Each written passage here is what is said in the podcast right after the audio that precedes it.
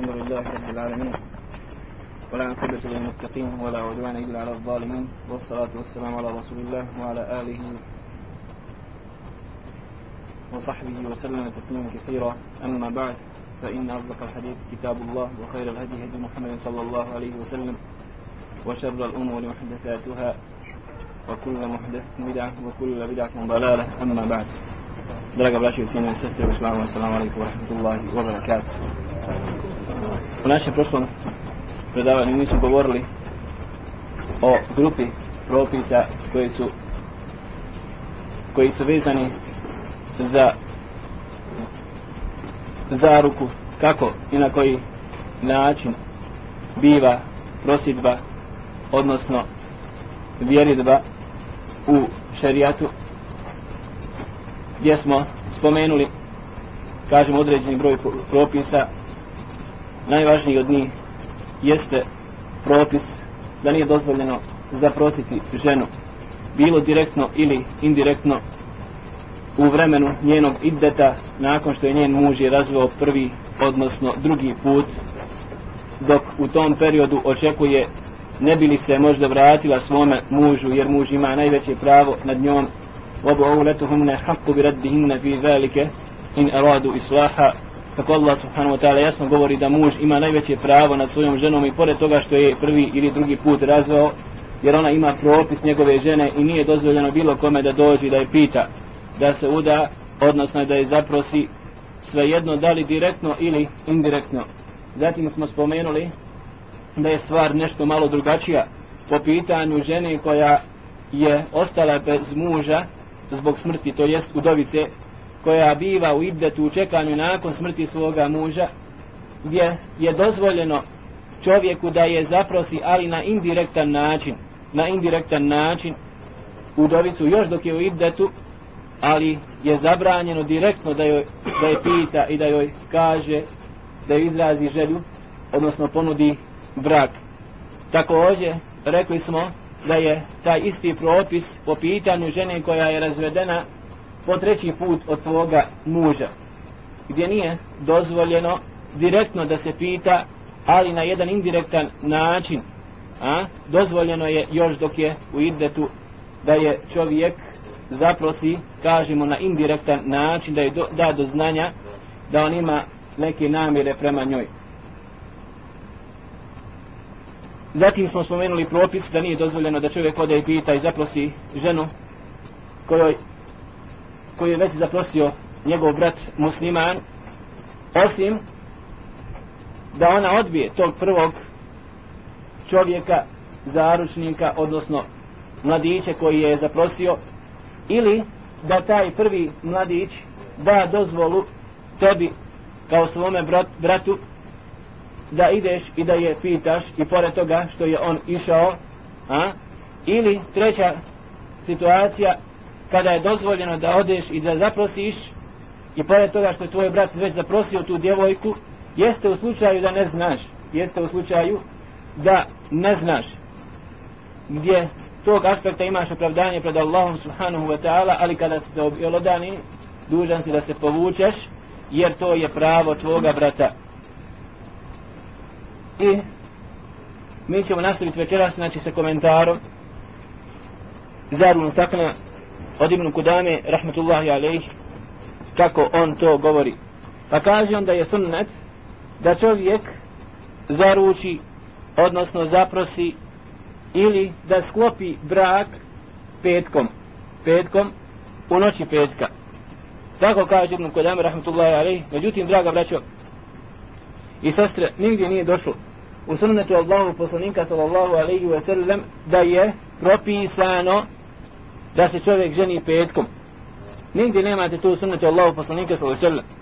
Došle su ogromne i mnogobrojne vrijednosti po pitanju dana petka. A? Ali, da kažemo da je sunnet da se čovjek oženi ili da sklopi brak u petak, u noći petka podrazumijevamo, a? Nigdje to nema tu sunnetu Allahu poslanika sallallahu alaihi wa sallam. Ima učenjaka koji su rekli u mjesecu ševalu zbog toga što je Allah poslanik sallallahu alaihi wa sallam onaj sklopio brak u mjesecu ševalu ali kada u pitanju dan petak mi kažemo nema osnova i nema dokaza da možemo razlikovati taj dan u odnosu na ostale, na ostale dane. Zatim kaže Ibn Kudame da je sunnet da čovjek koji dođe da zaprosi djevojku da odpočne sa onom hudbom od Abdullah ibn Masuda radijallahu ta'ala anhu koju smo spominjali u prošlom našem predavanju. A to je inna alhamdulillahi nahmaduhu wa nasta'inuhu wa nastaghfiruh i do kraja to smo spomenuli detaljno u našem prošlom predavanju. Znači mladić koji dođe da zaprosi djevojku a, kod njenog babe. Ili pak ako želi da dogovori brak, da sklopi u tom momentu brak njemu kao mladiću, kao mladoženi je propisano sunnet da otpočne svoj razgovor na tu temu sa ovom hudbom gdje donese zahvalu na Allah subhanahu wa ta'ala i da donese salavat na Allahu poslanika sallallahu alaihi wa sallam i da prouči ona tri kuranska ajeta koja smo spomenuli. Jedan dio islamskih učenjaka kaže da je to propisano i u odnosu na babu, a, djevojke. Međutim, nemate za tako nešto podlogu u sunnetu Allahu poslanika sallallahu alaihi wa sallam, ako bi neko htio, nema zapreke, a, ali osnova je da mladić, onaj koji dođe, prouči tu hutbu, kako smo spomenuli. Zatim je krenuo Ibn Kudame, rahmetullahi alaih, da govori o ruknovima, o temeljima na kojima počiva brak. Bez čega nema braka. Rukn podrazumijeva stup, temelj. Ako nema rukna, a, kako i na koji način će se graditi ta građevina koja se zove u ovom slučaju brak. Pa je spomenuo ruknove, temelje, gdje možemo reći da u osnovi da u osnovi imaju dva rukna, dva temelja, bez koji nema braka. Prvi rukn jeste ezauđani halijani min al da postoje muž i žena da postoji mladić i djevojka muško i žensko koji žele da stupe u bračnu zajednicu i taj muž i žena taj mladić i djevojka taj čovjek i žena moraju biti čisti po pitanju bilo kakvih zapreka ili zabrana koji eventualno, koji eventualno mogu zapriječiti brak. A te zapreke islamski učenjaci dijele na dvije vrste. Imaju trajne zapreke koji se mogu naći kod muža ili kod žene, kod mladića ili djevojke i postoje privremene određene zapreke koje mogu samo biti privremenog karaktera. A što se tiče trajnih zapreka, one se dijeli na tri vrste. Prva od tih trajnih zapreka jeste zapreka po pitanju krvnog srodstva. Gdje imaju određene stvari, znači određene ličnosti a, koje čovjeku muškarcu ili ženi nije dozvoljeno da stupi koje zaprečavaju da ne može čovjek ili muškarac stupiti u brak. A to je znači krvno srodstvo krvno srodstvo koje imate sedam sedam vrsta odnosno sedam osoba kojima je zabranjeno muškarcu ili ženi da stupi u brak i to je ono što se zove mahram to je ono što se zove mahram ako je Allah subhanahu wa ta'ala spomenuo u suri An-Nisa حرمت عليكم أمهاتكم وبناتكم وخالاتكم وعماتكم وخالاتكم وبنات الأخ وبنات الأخت sedam kategorija sedam vrsta rodbine po krvnom srodstvu koje je muslimanu i muslimanci šta? Zabranjeno da stupi u brak sa tim osobama. I to su mahrami od bližnje rodbine. I za te kategorije su svezani određeni propisi. Allah subhanahu wa ta'ala sveza određene propise. A to je na prvom mjestu zabranjuje vam se majke vaše. Majke vaše i uzlazno lozi lozi koliko god stignu. Nana pranana i tako dalje obenatukum druga kategorija vaše čerke i u silaznoj tako lozi od i vaši a? i djece onaj unučak, praunučak i tako dalje sve je to znači tebi ha mahram odnosno haram što znači da ti kao djed si svojoj unuci šta? Haram, odnosno ona može biti pre tome otkrivena i tako dalje. Razumijete? Wa akhawatukum i zabranjuje vam se vaše šta? Sestre. I zabranjuje vam se vaše tetke od strane babe. Sestra od tvoga babe, tvoja tetka, ti je haram, ona može sjediti s tobom, možeš je poljubiti, ona je kao tvoja majka. I zabranjuje vam se vaše tetke od strane majke, wa halatukum, a? sestra od tvoje majke. Tetka, također ti je haram da je oženiš i ti možeš sa njom da sjediš, da pričaš, da bude pred tobom otkrivena kao što biva otkrivena pred svojim babom i tako dalje. A? I zabranjuje vam se bratišne vaše čirke od brat, braće vaše, to jest bratišne, a? i zabranjuje vam se vaše sestrišne čirke od vaše sestre. Ovi sedam kategorija, a pazite, o njima ćemo detaljno kasnije govoriti ili spomenuti Ibnu Kodame posebno jedno poglavlje koje govori o ovim zaprekama. A? Samo usput sada spominjem u ovom kontekstu, znači ukoliko bi se našla jedna od ovih kategorija po pitanju muža ili žene, odnosno onaj mladića ili djevojke, mi kažemo taj brak ne može biti validan, taj brak je neispravan. Druga vrsta zapreka jeste zapreka zapreka po tazbinstvu. Jesi tako kaže? Kad čovjek stupi u sa nekim u brak, pa zbog te onaj veze bračne, a, imaju određene kategorije koje Allah subhanahu wa ta'ala tada tebi zabranio. I one su trajnog karaktera, pazite. Trajnog karaktera te kategorije bivaju zabranjene dok god si živ i dok god je ta osoba živa. E, tu imate četiri kategorije. Četiri kategorije, četiri vrste onaj, osoba. Prva od tih osoba jeste žena od tvoga babe. Žena od tvoga babe što se podrazumijeva šta? Mačeha u ovom slučaju.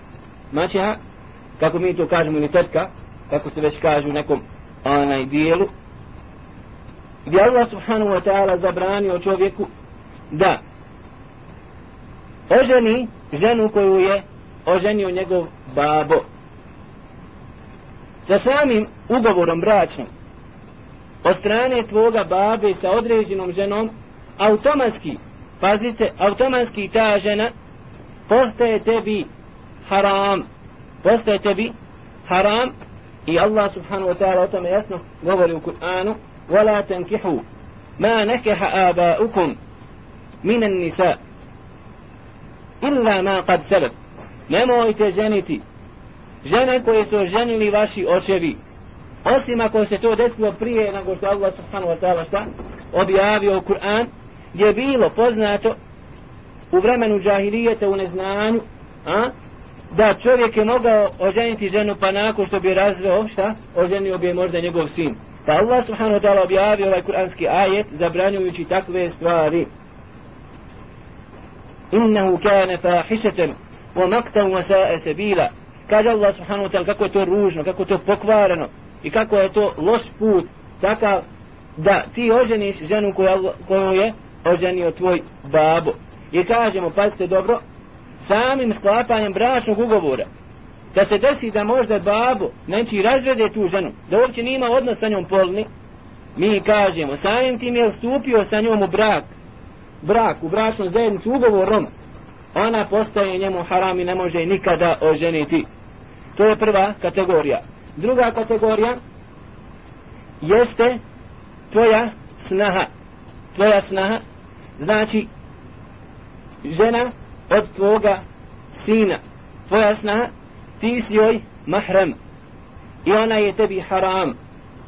Jer Allah subhanahu wa ta'ala kaže وَحَلَائِلُ أَبْنَائِكُمُ الَّذِينَ مِنْ أَصْوَابِكُمْ I zabranjuje vam se vaše snahe, odnosno žene, od vaših rođenih sinova koje Allah subhanahu wa ta'ala izveo iz vaših kičmi iz vaših kičmi i samim tim i samim tim što stupi također tvoj sin u bračni ugovor, u bračnu zajednicu, ona automatski postaje tebi haram. Ona automatski postaje tebi haram i ovaj propis se odnosi, pazite, i uz uzlaznu lozu, a, i uz silaznu. Pa to se odnosi po pitanju djeda, djeda, ženu od tvoga djeda, kao što se odnosi propis i na ženu od tvojih šta? Unuka. Unuka, žena od tvoga unuka, mi kažemo ona je tebi haram. Ona je tebi haram. Također, također, treća kategorija žena koju Allah subhanahu wa ta'ala zabranio jeste čerka od tvoje žene. Kod nas se to kaže pastorče, je tako? Žena iz drugog braka ima recimo dijete, rastavila se od prvog muža, to dijete, ta čerka, žensko dijete, šta? Tebi, ako bi oženio njenu majku, postaje pastorka. I Allah subhanahu wa ta'ala je zabranio čovjeku, a, pastorku. Ona postaje njemu haram. I Allah subhanahu wa ta'ala spominje u kontekstu kategorija i zapreka, pazite, a, i zabrana u ovom smislu spominje وَرَبَائِبُكُمُ اللَّاتِ فِي حُجُورِكُمْ مِنْ نِسَائِكُمُ اللَّاتِ دَخَلْتُمْ بِهِنْ فَإِنْ لَمْ تَكُونُوا دَخَلْتُمْ بِهِنَّ فَلَا جُنَاحَ عَلَيْكُمْ Allah subhanahu wa ta'ala onda kaže po pitanju znači pastorča, pastorki vaši one su vam zabranjene od vaših žena s kojima ste imali odnos pazite ovdje razlika gdje pastorka ti ne biva zabranjena sa samim bračnim ugovorom nego tek kad čovjek ima odnos sa njenom majkom nakon toga ona automatski postaje šta? Haram. Što u slučaju u slučaju da bi se razveo recimo da od njene majke nakon potpisivanja bračnog ugovora a ne bude ima odnos sa njom mi kažemo ona nije ti postala haram. Tek nakon odnosa kako Allah subhanahu wa ta'ala kaže po, po pita zabranju vam se pastorke vaše od vaših žena sa kojima ste imali odnos odnos a? اللاتي في حجوركم من نسائكم اللاتي دخلتم بهن. فإن لم تكونوا دخلتم بهن فلا جناح عليكم. alaykum a pastorčak pastorke vaše od žena vaših sa kojima ste imali odnos ako niste imali sa njima odnos nema smetni Allah subhanahu wa ta'ala kaže u Kur'anu. I ovdje se podrazumijevaju pastorke svejedno da li vi ih odranili u svojim krilima kako kaže Allah subhanahu wa ta'ala fi huđurikum, koji su kod vas u vašim kućama a? u vašim kućama jer onaj nema razlike nema razlike po pitanju da li ta pastorka živi u tvojoj kući zajedno sa, tom, sa tobom i sa to tvojom ženom odnosno njenom majkom ili živi odvojeno ili živi odvojeno jer je došao hadith Allahu poslanika sallallahu alaihi wa sallam od umu Habibe radi Allahu ta'ala anha a? čerke od Ebu Sufjana koja je ponudila svoju sestru Allahom poslaniku sallallahu alaihi wa sallam da je oženi ponudila je ona kao žena poslanika sallallahu alaihi wa sallam svoju sestru slastiku znači poslanika sallallahu alaihi wa sallam da oženi Allahu poslaniku sallallahu alaihi wa sallam i nju pa je Allahu poslanik sallallahu alaihi wa sallam tada zabranio rekao fala tu'arid fala tu'aridanna alayya a? Banatukunna banatuk banatuk banatikunna wa akhawatikunna. Nemojte meni nuditi za brak vaše kćerke pazite vaše kćerke i nemojte meni nuditi vaše sestre. I kasnije ćemo spomenuti da Allah subhanahu wa ta'ala zabranio ali to je privremena zapreka svastiku da čovjek spoji šta? Sa svojom ženom to ćemo kažem kasnije spomenuti, ali želimo ovdje reći da nema razlike po pitanju pastorke, da li ona živjela sa tobom u kući i sa tvojom ženom, ili bila ona negdje u drugom gradu, tamo odvojena, možda živjela kod nene ili dede, nema nikakve razlike, ona ti postaje, ona ti postaje haram. I četvrta, i četvrta kategorija, koje Allah subhanahu wa ta'ala zabranio trajno jeste punica. Punica ti je, dragi brate, kao tvoja rođena majka.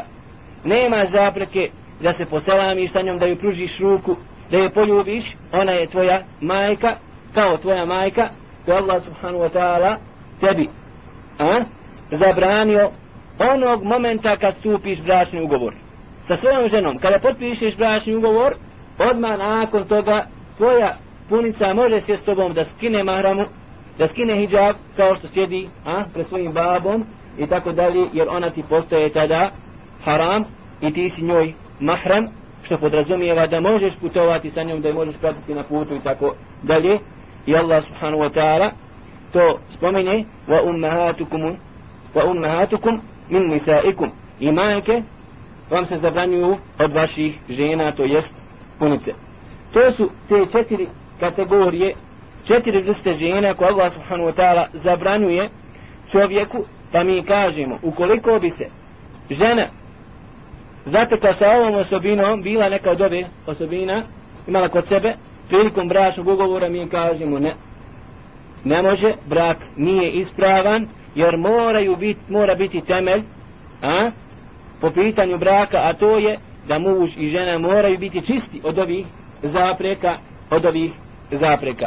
I treća vrsta trajne zapreke, pazite dobro, trajne zapreke jeste zapreka po pitanju mlijeka, odnosno onaj dojenja, a to je da žena zadoji dijete, da žena zadoji dijete još dok je u vremenu a, od do dvije godine i postoji određeni propis, inša Allah, mislim da ćemo i to spomenuti malo detaljnije, e, tada to dijete onaj, dobiva rodbinu po mlijeku i zabranjuju se sve ove kategorije, kategorije, pazite, kategorije onaj, ljudi i žena po pitanju e, mlijeka, po pitanju mlijeka, jer kaže Allah poslanik sallallahu alaihi wa sallam ma hurima min al-nasab ma hurime mine rida, hurime mine neseb.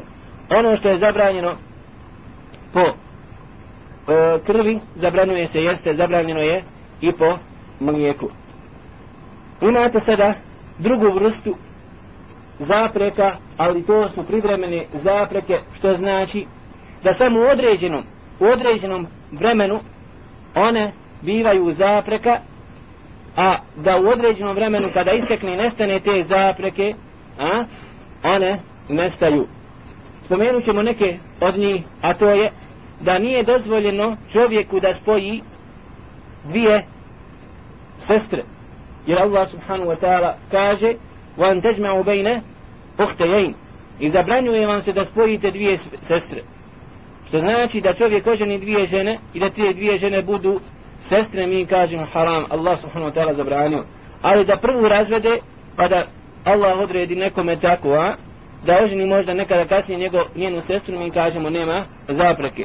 Kao što je Allah subhanahu wa ta'ala zabranio da spoji čovjek između žene i njene tetke bilo da se radi po pitanju tetke od oca šta? Ili tetke po, od strane majke to jest sestre od njene majke.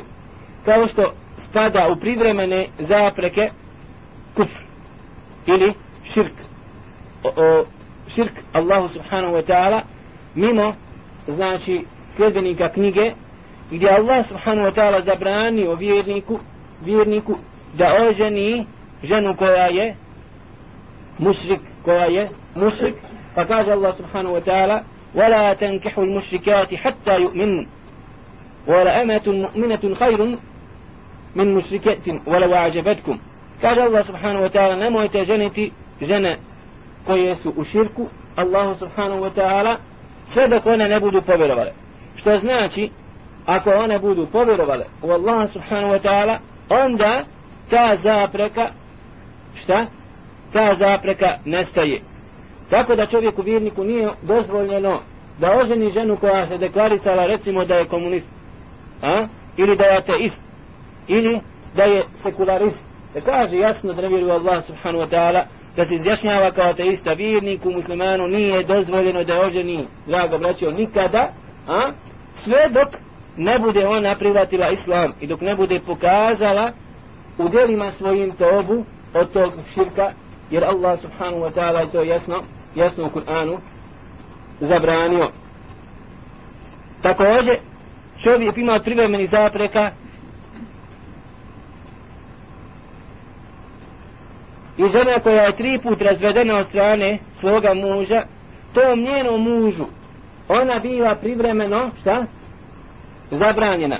A ta privremena zapra, zabrana traje sve dok ne bude, ona se udala za nekoga drugoga, pa koliko bi on razveo kako smo to spominjali, onda, onda, nakon što bi se razvela od tog svoga drugog muža, dozvoljeno je da je ponovo vrati njen, odnosno oženi, oženi njen onaj prvi muž.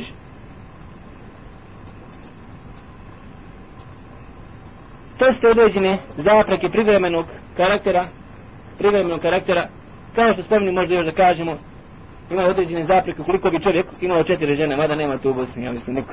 A? To je isto bila privremena zapreka gdje čovjeku nije dozvoljeno da oženi, znači petu ženu, sve dok ne bude razveo jednu od tih žena, ali mora čekati da ona a, završi svoj iddet.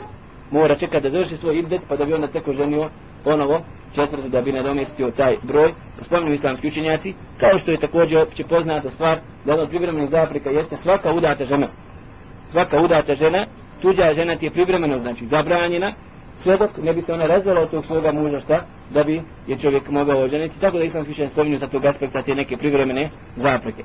Sve smo ovo ispričali, sve smo ovo ispričali da bismo rekli znači da čovjek, mladić i djevojka koji stupaju u brak moraju sagledati da li ima neke od ovih zapreka tada bi mogli reći ti imaš prvi rukn, prvi rukn braka, možeš ući ili ako bi se desila ta neka pomenuta zapreka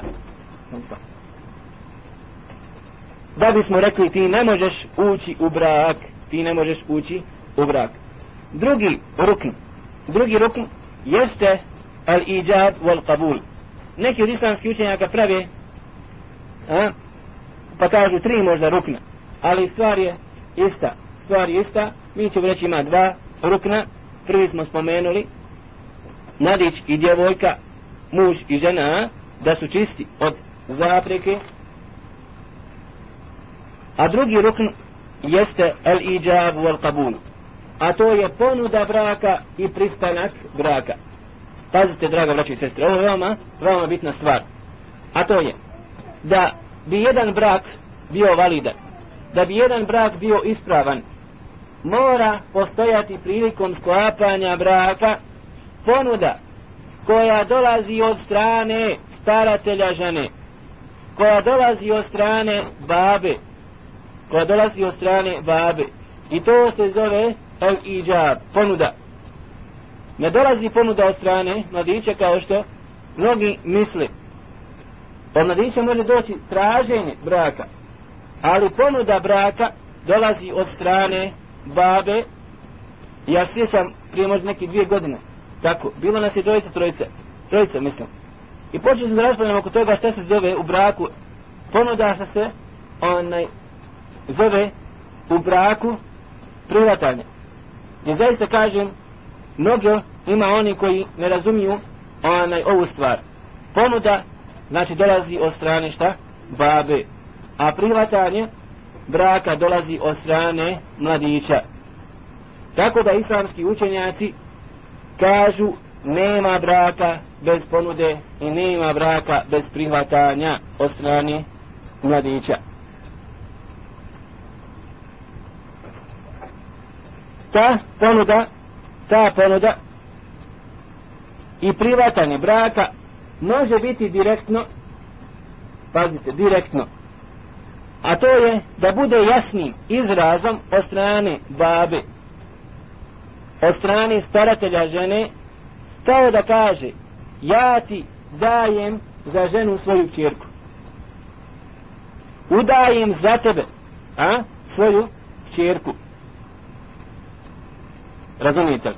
Znači jasnim i nedvosmislenim izrazom jasnim i nedvosmislenim izrazom i može biti na jedan indirektan način u smislu izraz koji šta koji nije direktan ali svi znaju u običaju jednog naroda, to upućuje da on daje svoju čerku za ženu. Ima učenjaka, ima učenjaka od hambelijskog mezeva koji kažu da je brak neispravan ukoliko bi bio šta? Od strane onoga ko zna arapski jezik ako bi bio na nekom drugom jeziku. Sve u cilju, u smislu šta? U smislu da ti želi reći o veličini ove stvari, o veličini ponude i privatanja braka. Ali ono što je ispravno mišljenje kod većine islamskih učenjaka i o čemu govori detaljno šehhul islam ibn Taymiye i također ibn Qayyim rahmatullahi alaih jeste da ponuda i privatanje braka biva sa bilo kojim izrazom kojim podrazumijeva a ponudu i privatanje braka i da se stvar vraća tu na običaj jednog naroda da ta rečenica koju je rekao staratelj žene i ta rečenica kojom je prihvatio mladić brak ukoliko ta rečenica upućuje na te stvari a mi kažemo taj brak je validan. Taj brak je validan i sam šeheh bin Baz rahmetullahi alaih bio je na tom, na tom stanovištu. I pored toga što je hanbelijski recimo mezheb šta? Na drugačijem stavu. Ali činjenica je činjenica je da je cilj a da se zadovolji suština. A suština je suština je da se desi ponuda od strane babe odnosno staratelja i da se desi privatanje braka od strane mladića. Tako tako je bitno znači da se malo povedi računa oko toga. Ja uvijek kažem prilikom sklapanja braka zaista bolje je da ne bi čovjek pogriješio tim nekim stvarima a? Zato što su pomalo osjetljive. One nisu komplikovane samo ih treba razumjeti ali za svaki slučaj bolje je neka bude neko od ljudi koji poznaju te propise da može objasniti. Tako da kažemo mla, e, babo staratelj će reći udajem svoju čerku a? Tu i tu za tebe sa mehrom tolikim i tolikim. Mladić će odgovoriti da prihvata njegovu čerku tu i tu po imenu i po prezimenu o čemu ćemo malo kasnije govoriti a sa mehrom tolikim i tolikim. To je suština braka. Ovo sada što smo malo prije spomenuli, ovo je temelj braka gdje imate mladića, imate djevojku, imate ponudu od strane babe, imate, privat, imate privatanje braka i nakon toga što čuju to dva svjedoka, o čem ćemo govoriti prilikom objašnjavanja šartova samoga braka, mi kažemo taj brak je sklopljen. Postavlja se sada pitanje, postavlja se pitanje šta? Ukoliko bi ukoliko bi prvo došlo privatanje braka od strane šta? Mladića. Pa tek onda ponuda od strane babe. Kao da mladić kaže daj mi svoju čerku za ženu a? Daj mi svoju čerku za ženu. I on kaže ja privatam babo kaže privatam samo. Razumijete? Postavlja se pitanje da li je taj brak validan. Ima učenjaka, kažem također od Hanbelijskog mezheba, koji smatraju da taj brak nije validan, da nije ispravan. Ali opet kažemo, opet kažemo i na tome je bila također fetva i šeha bin Baza rahmatullahi alaih, da je taj brak ispravan jer se gleda na suštinu, a suština je, suština je da ima ponuda i da ima privatanje i pored toga što se redoslijed, pazite, redoslijed obrnuo. A redoslijed ne možemo tek tako lako reći šta da je uslov, da je uslov ispravnosti braka. Veoma je bitna stvar da se privatanje, da se ponuda i privatanje braka desi na skupu. Jer, pazite dobro, u osnovi brak, u osnovi brak spada u poglavlje muamelata, međuljudskih odnosa, kao što je recimo i trgovina sama, a? kao što i sama trgovina spada u međuljudske odnose. Zato što brak je jedna vrsta razmjene. Kao što čovjek mijenja robu i trguje, tako isto definicija braka je recimo da čovjek isto tako mijenja. Ali, i da dešava se zamjena i razmjena, ali na jedan drugačiji način. Pazite, na drugačiji način, tako da islamski učenjaci sa tog aspekta, kada govori o braku, govore da se mora privatanje, ponuda i privatanje braka da se mora desiti na mjestu skupa, da se ne smiju rastaviti dok ne budu se dogovorili. Jer vi znate, na prilikom kupo prodaje, a? čovjek koji prodaje i čovjek koji kupuje imaju pravo raskinuti trgovinu dok su na mjestu, šta? Skupa. Tako kaže Allah poslanik sallallahu alaihi wa sallam u hadith koja bilježi imam Bukharija i Muslim. El bejjani bil hijar ma lam je tefarraka. Kupac i prodavac imaju pravo izbora i to je stav većine islamskih učenjaka. Kupac i prodavac imaju pravo izbora. Imaju pravo da nastave trgovinu, imaju pravo da raskinu i nema ljutnje. Ja ti kažem, prodajem ti mobitel za 100 maraka. Ti kažeš privata. Uzem od tebe pare, dadnem ti mobitel. Još sedimo. I pričamo, još nismo se rastavili. Još smo na istom skupu. Ostanimo sat vremena. Ja imam pravo, kao što ti isto imaš pravo, nakon sat vremena ili dva sata, da kažeš, a, daj mi moje pare, evo ti tvoj mobitel. Ili obratno. Imaju pravo izbora, sve dok su na istom mjestu, nema pravo niko da se ljuti. Jeste razumijeli? Pravo ima i kupac, ima pravo i prodavac.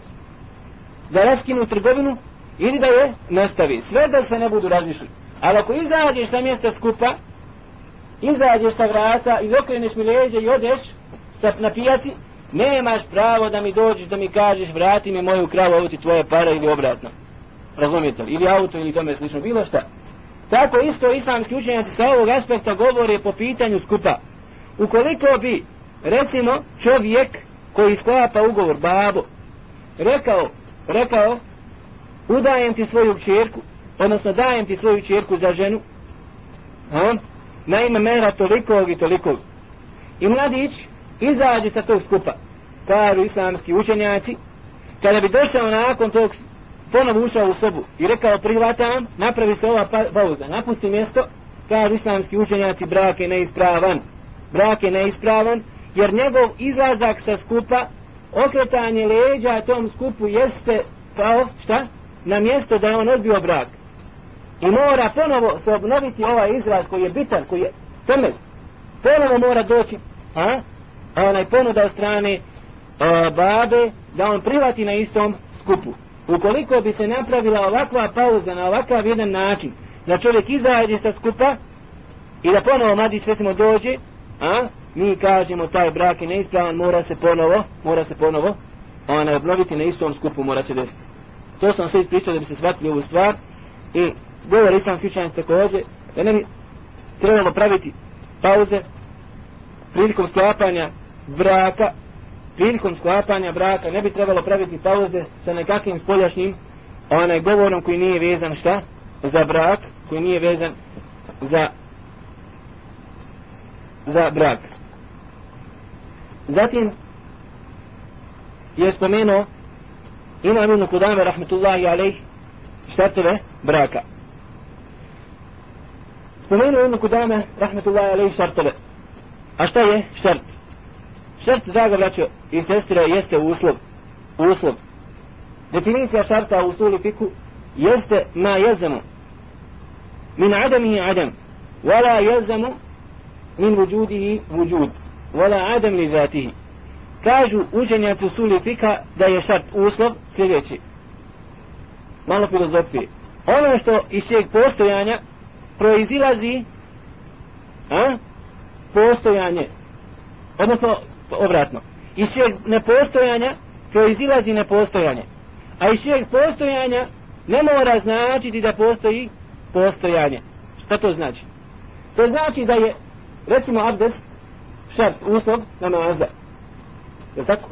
abdest je uslov namaza ako nema čovjek abdest ima li namaza nema namaza. Ali ako čovjek ima abdest, jel mora znači da će klanjati? A to je to. Iz čeg nepostojanja proizilazi obavezno nepostojanje. Nema abdesta, nema namaza. A iz čeg postojanja ne mora znači da postoji šta? Postojanje, odnosno ono za što je on uslov. Tako da definiš učenjac fika, iz usuli fika, inače nauka usulu fika smatra se a, kao jedna vrsta filozofske nauke. Zato što treba puno koncentracije, ima tako ti nekakvi rečenica. Ali bilo kako bilo, mi želimo reći da postoje određeni šartovi, određeni uslovi koji se moraju naći prilikom sklapanja braka. Ukoliko zapali jedan od tih šartova, ukoliko nema šarta, mi kažemo šta? Nema braka, brak je neispravan. Brak je šta? Neispravan. Zato postoje, kažem, šartovi. Prvi od tih šartova koji se mora koji se mora naći jeste ta'inu az-zawjayn. Mora ju se označiti, markirati, a? Moraju se znati i mladić i djevojka. Tako ukoliko bi čovjek imao više čirki, prilikom sklapanja bračnog ugovora, on mora jasno i precizno a? Reći riječi koje ima, će označiti koju svoju čerku daje. Pa ukoliko bi rekao, ima recimo četiri ili pet čerki, dajem ti svoju čerku za ženu na ime mera tog i toga, ima četiri, pet čerki. Mi kažemo taj brak, to slapanje braka je neispravno. Jer nije označio, nije rekao koja je tog čerka. Može biti Ajša, može biti Fatima, može biti Esma. Razumijete? A Islam zabranjuje nepoznavanje i gradnje i trgovine, pazite na nepoznanici, i gradnje braka na nepoznanici. I vidjeti da šarijat u svim međuljudskim odnosima traži čistu stvar. Zato je Allah poslanik sallallahu alaihi wa sallam na nabiju sallallahu alaihi wa sallam bija al-gharar. Zabranio je poslanik sallallahu alaihi wa sallam da čovjek prodaje nešto što je nepoznato. Da ti kaže prodat ti auto. Ti kažeš, nema problema, za 2000 vina može. Kako auto? Ne znaš osobine, ni marku, ni vrstu, a? A onaj koje godište, ne znaš ništa o njemu nisi ni vidio, mi kažemo ta, bez obzira što ti slažiš, bez obzira što se on slaži, mi kažemo takva trgovina je neispravna, nego mora ta trgovina imati kod sebe osobine, a, informacije, onoliko koliko će se šta, otkloniti nepoznanica sa te stvari koja se prodaje. Tako i u ovom slučaju mi kažemo, mora se znati koja čerka, koja čerka, bilo da kaže ime, kao da kaže, šta, dajem ti za ženu svoju čerku tu i tu. Na ime mehra, toliko i toliko. Ili da kaže osobinu preko koje se šta, raspoznaje ta čerka. Kao da kaže, dajem ti za svoju, dajem ti za ženu čerku koja je punoljetna, a on ima dvije čerke. Jedna nije punoljetna šta, a druga jeste, jeste. Ili da kaže, možda ma i čerka tu prisutna, da kaže dajem ti za čerku tu. A? Ovu čerku ti dajem za ženu. I upre prstom ili pokaže glavom, znači da se označi koja čerka. Kao što se mora označiti također mladić. Gdje ne može doći čovjek i reći, a? Onaj, da daje svoju čerku za ženu nekome od vas, nekome od vas, a deset ljudi sjedi, ne zna se ni koje, ni šta je, nego se mora također od, označiti, bilo imenom i prezimenom, a? Onaj, bilo i šaretom, bilo nekom osobinom, nekom osobinom, koja će izbrisati tu nepoznanicu, jer smo rekli da šerijat želi da ukloni bilo kakvu nepoznanicu potom, potom pitanju. Međutim, ukoliko, ukoliko čovjek ima samo jednu čerku, onda to nije problem čak da ne spomene ime, da ne spomene ime, da ne spomene nikakvu osobinu, jer osnovi šta ima samo jednu čerku i onda nema problema. Kako dobro gledati, imaš puno sinova, mašala. A jednu čerku.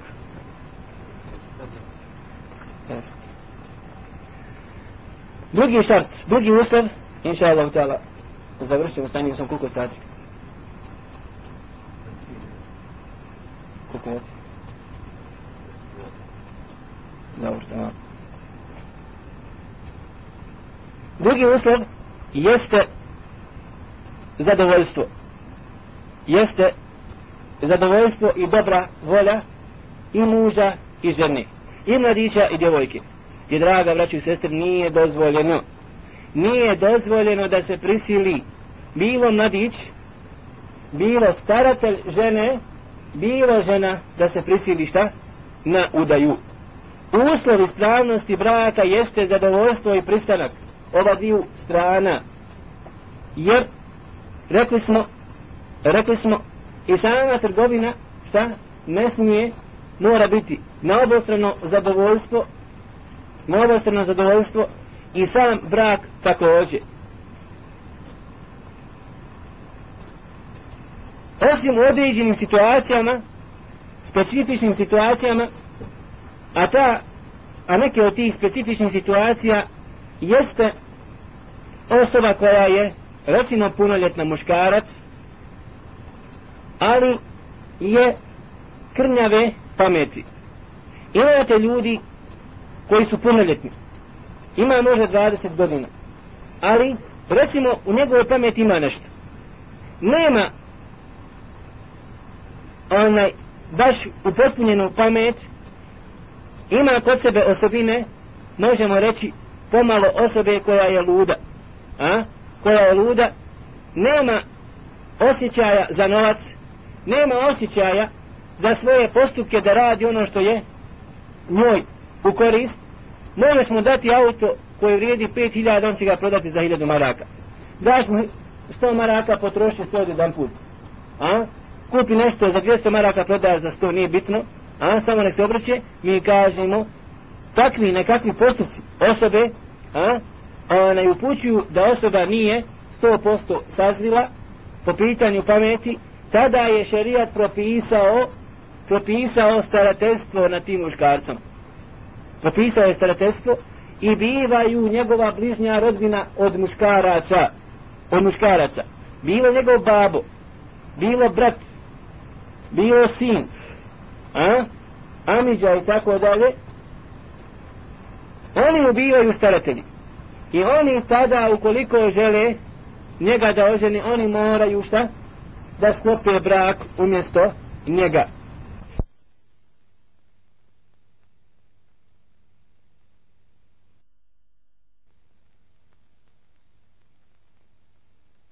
mu dobro. Zato to starateljstvo nad njim pripada tebi i ti ćeš čak voditi računa o njegovom imetku. A? Ti ćeš voditi, ako ima para, popisano je da uzmeš od njega pare da mu daješ onoliko koliko treba i da ne gledaš njega i da vodiš starateljstvo sa tog aspekta. U takvoj jednoj situaciji mi kažemo on ne može sklopiti brak, šta? Za sebe, onaj, nego tebi je dozvoljeno da slopiš brak umjesto, umjesto njega. Također, isti je propis vezan i za osobu koja je luda, ako želi rodbina da oženi, bez obzira što recimo lud, imate ljudi koji su onaj, možda ludi, a mi kažemo, ako rodbina želi da oženi takvog čovjeka i zadovoljna je druga strana, onaj, ne možeš sada zapriječiti takvu osobu ako se složi i žena koja se želi udati za njega iz nekakvog razloga a, mi kažemo taj brak je ispravan ali brak i sklapanje braka i odabiranje žene a, bit će uz saglasnost njegove rodbine njegovog babe, brata Amidže i tome slično. Također starateljstvo je propisano i slapanje braka onaj, bez saglasnosti, pazite, bez saglasnosti po pitanju malodobne osobe. Po pitanju malodobne osobe. Jer poslan, jer Ebu Bekr radi Allahu ta'ala anhu je dao za ženu svoju čerku Aishu radi Allahu ta'ala anha poslaniku sallallahu alaihi wa sallam kada imala šest godina sklopio je brak a počela da živi s poslanikom sallallahu alaihi wa sallam u svojoj devetoj godini. I ovaj propis, zapamtite, je vezan isključivo za babu. Udavanje, udavanje maloljetne čerke, koja još nije punoljetna, odnosno sklapanje braka, govorimo o pitanju ugovora, bračnog ugovora, razlikujte tu stvar, pripada isključivo babi i nije uslov u tom slučaju njeno zadovoljstvo. njen pristanak i njena saglasnost. Postavlja se pitanje kako to? Zbog čega to? Zbog toga, draga braćo i sestri, što je nemoguće da babo, da će babo učiniti nešto, a? što nije u korist njene kćerke. Nemoguće da bi jedan Abu Bakr, radi Allahu ta'ala mogao učiniti nešto za svoju čerku, šta? Što nije korist za nju. Zato što šarijat ne poznaje da bi mogao babo uraditi svojoj čerki nešto tako što bi bilo od njene štete. I zato takav brak mi kažemo je validan. Ukoliko bi se desio bez pristanka čerke koja je maloljetna a, koja je maloljetna da se ona ne pita i da babo njen daje za ženu nekome mi kažemo taj brak je validan. Ali to ne znači pazite dobro to ne znači da žena nema pravo šta? Da traži razvod braka jer ljudi ne razlikuju ove dvije mesele pitanje je ispravnosti braka ukoliko bi se desilo u takvoj jednoj situaciji da li je ispravan šarijatski mi kažemo ispravan je ali kasnije kad djevojka odraste primjer radi jer imate običajima određenih naroda a, u 7. i 8. godini sklopuje brak i živi ona kod svojih, on živi kod svojih, kasnije možda u 18. 19. 20. godini uzmu se, ali čitao vrijeme u tome, šta? Imaju bračni ugovor. Smatraju se mužom i ženom, razumijete li? Kasnije, ako bi žena odustala i ne želi, a, mi kažemo, to je sasvim drugo pitanje, ona ima pravo na ra, da traži razvod braka, kako je Fatima, došla kod poslanika sallallahu alaihi wa sallam nakon što je zamrzila svoga muža i rekla, Ja Rasulallah, inni akrahu al kufra ba'da islam. Allah poslaniče, ja mrzim kufr nakon islama. A o čemu se radilo? Radilo se u tome da jednostavno zamrzila svoga muža, nije mogla više da živi sa njim, došla je da traži razvod braka, da pita Allah poslanika sa su dozvoljeno. A? Poslanik sallallahu alaihi wa sallam je rekao, hoćeš ti da vratiš, šta si uzela na ime mehra? Rekao je da uzme, uzela šta? Vrt. Pa rekao Allah poslanik sallallahu alaihi wa sallam, ruddi ilaihi al hadika. A? Vrati mu njegovu onaj njivu ili baštu koju ti on dao na ime mehra i naredio je njenom mužu primi to što ti ona vratila potalika tatlika i razvedi je jedan puta. Razumijete li? Tako da pravo žene nije ugroženo ni u kom slučaju. Morate razlikovati te dvije stvari. Mi gledamo sa stanovišta šarijata da li ćemo reći za takav jedan brak koji je sklopljen ili validan ili ispravan? To što je ona mala, još primjer radi, a njen babo na ime nje sklopio bračni ugovor i nije pitao za njenu saglasnost, je li taj brak validan sa strani šarijeta, mi kažemo jeste. Jer babo ne bi uradio nešto svojoj čerki što je loše, to je osnova. Zato pogledajte, nad babom se ne izvršava šerijatska kazna po pitanju ubistva. Da se desi da babo ubije svoga sina. A? Ne izvršava se šerijatska kazna, ne ubija se.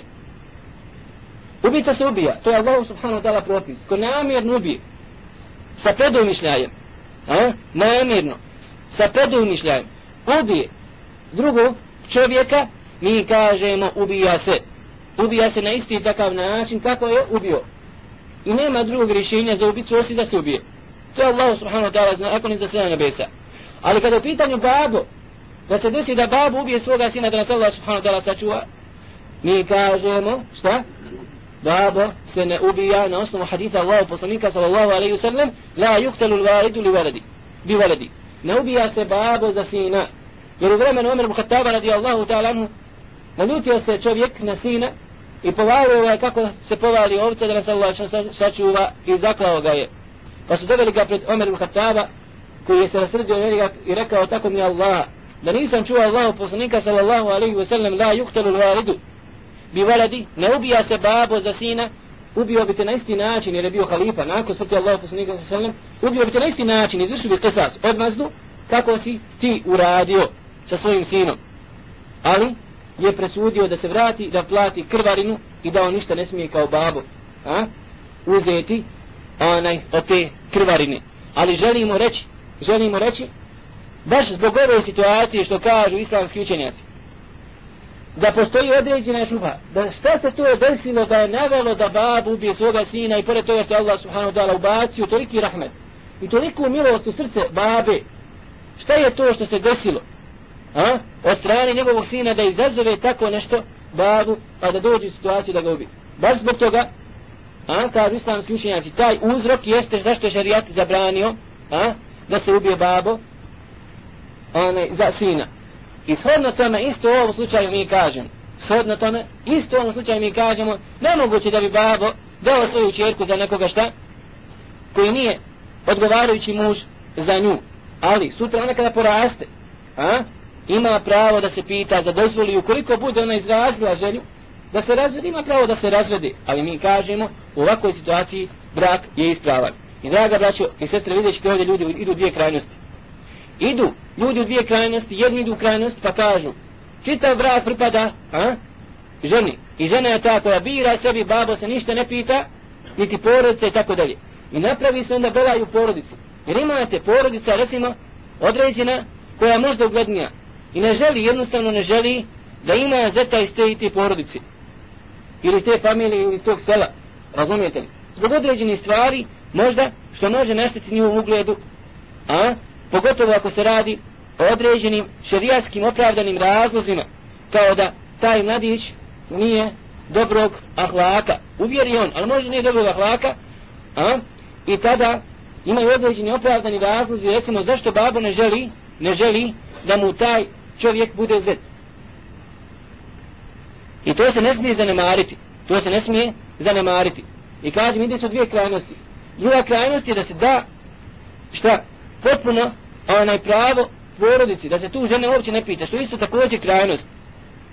Zato mi kažemo, osnova je da se žena pita, ali isto tako da se staratelj pita, i ako se desi da se ode u drugu krajnost, pa da žena ta bude koja će birati, koja će birati, da se ljudi, odnosno da se njen babo ili brat ili amiđa i tako dalje ne pita ništa, onda mi kažemo, gleda se u njene razloge. Zbog čega ona odbija? Zbog čega ona odbija brak? Koji je to razlog? Ako je razlog nekakav koji nije dovoljno šerijski opravdan, koji nije dovoljno šerijski opravdan, kao recimo da nema nikakvog argumenta, kao da nema nikakvog argumenta nad mladićem koji je došao, zadov, zadovoljna je sa njegovom vjerom, a zadovoljna je sa njegovim ahlakom, njegovim moralom i tako dalje, onda u tom slučaju imaju pravo roditelji sa jednog aspekta, sa jednog aspekta da je pokušaju prisiliti. Pa govori islamski učenjaci ako znaju da je to za nju hajr. A? Ali imaju također mogućnost da ju nađu drugog mladića. Da ju nađu drugog mladića da vide šta je cilj njen.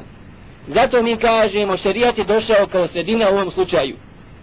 Gdje se mora, gdje mora biti obostrano zadovoljstvo, mora biti zadovoljstvo strane staratelja, i mora biti zadovoljstvo od strane žene i da se pokuša tu naći da se pokuša tu naći kompromis ali da se da samo a, da se i gleda na stranu i zadovoljstvo babi bez zadovoljstva žene mi kažemo ne ali isto tako s druge strane da se gleda samo zadovoljstvo žene da ona suda za koga ona hoće je pogotovo u takvim situacijama ne vidi žena daleko gleda možda na ljepotu gleda na neke druge stvari na bogatstvo i ovo ono za razliku od njenog babe, a?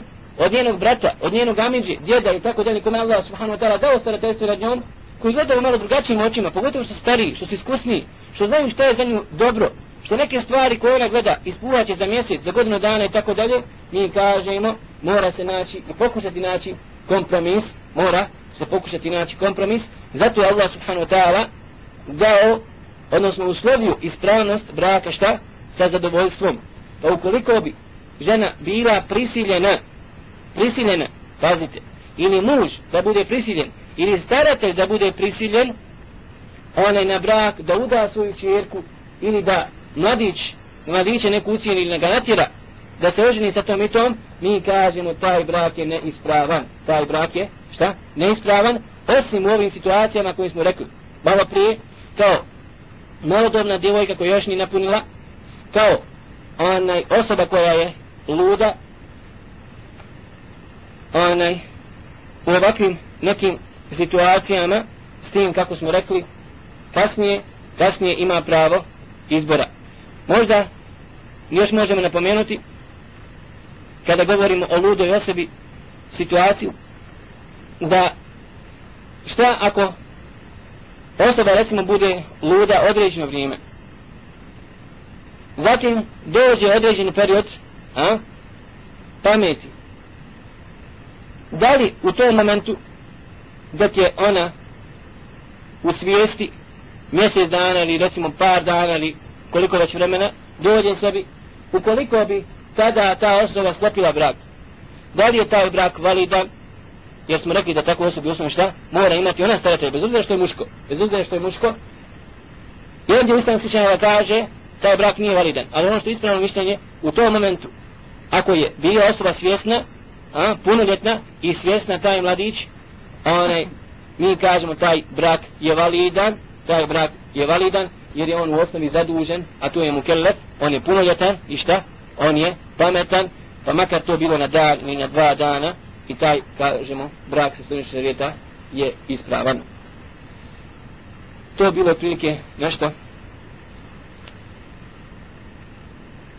po pitanju drugog šarta, drugog uslova ispravnosti braka, a to je zadovoljstvo, zadovoljstvo. Sa oba dvije strane, i od strane mladića, i od strane djevojke. Možda još samo da, kad govorimo o drugom šartu, da spomenimo, da je rekao Allah poslanik sallallahu alaihi wa sallam da dozvola djevojki, djevojki. Mislimo na djevojku koja nije znači imala prije muža, koja se nije prije udavala, njena dozvola je njena šutnja. Ali to se podrazumijeva šutnja koja je istida, ne šutnja koja je prisila.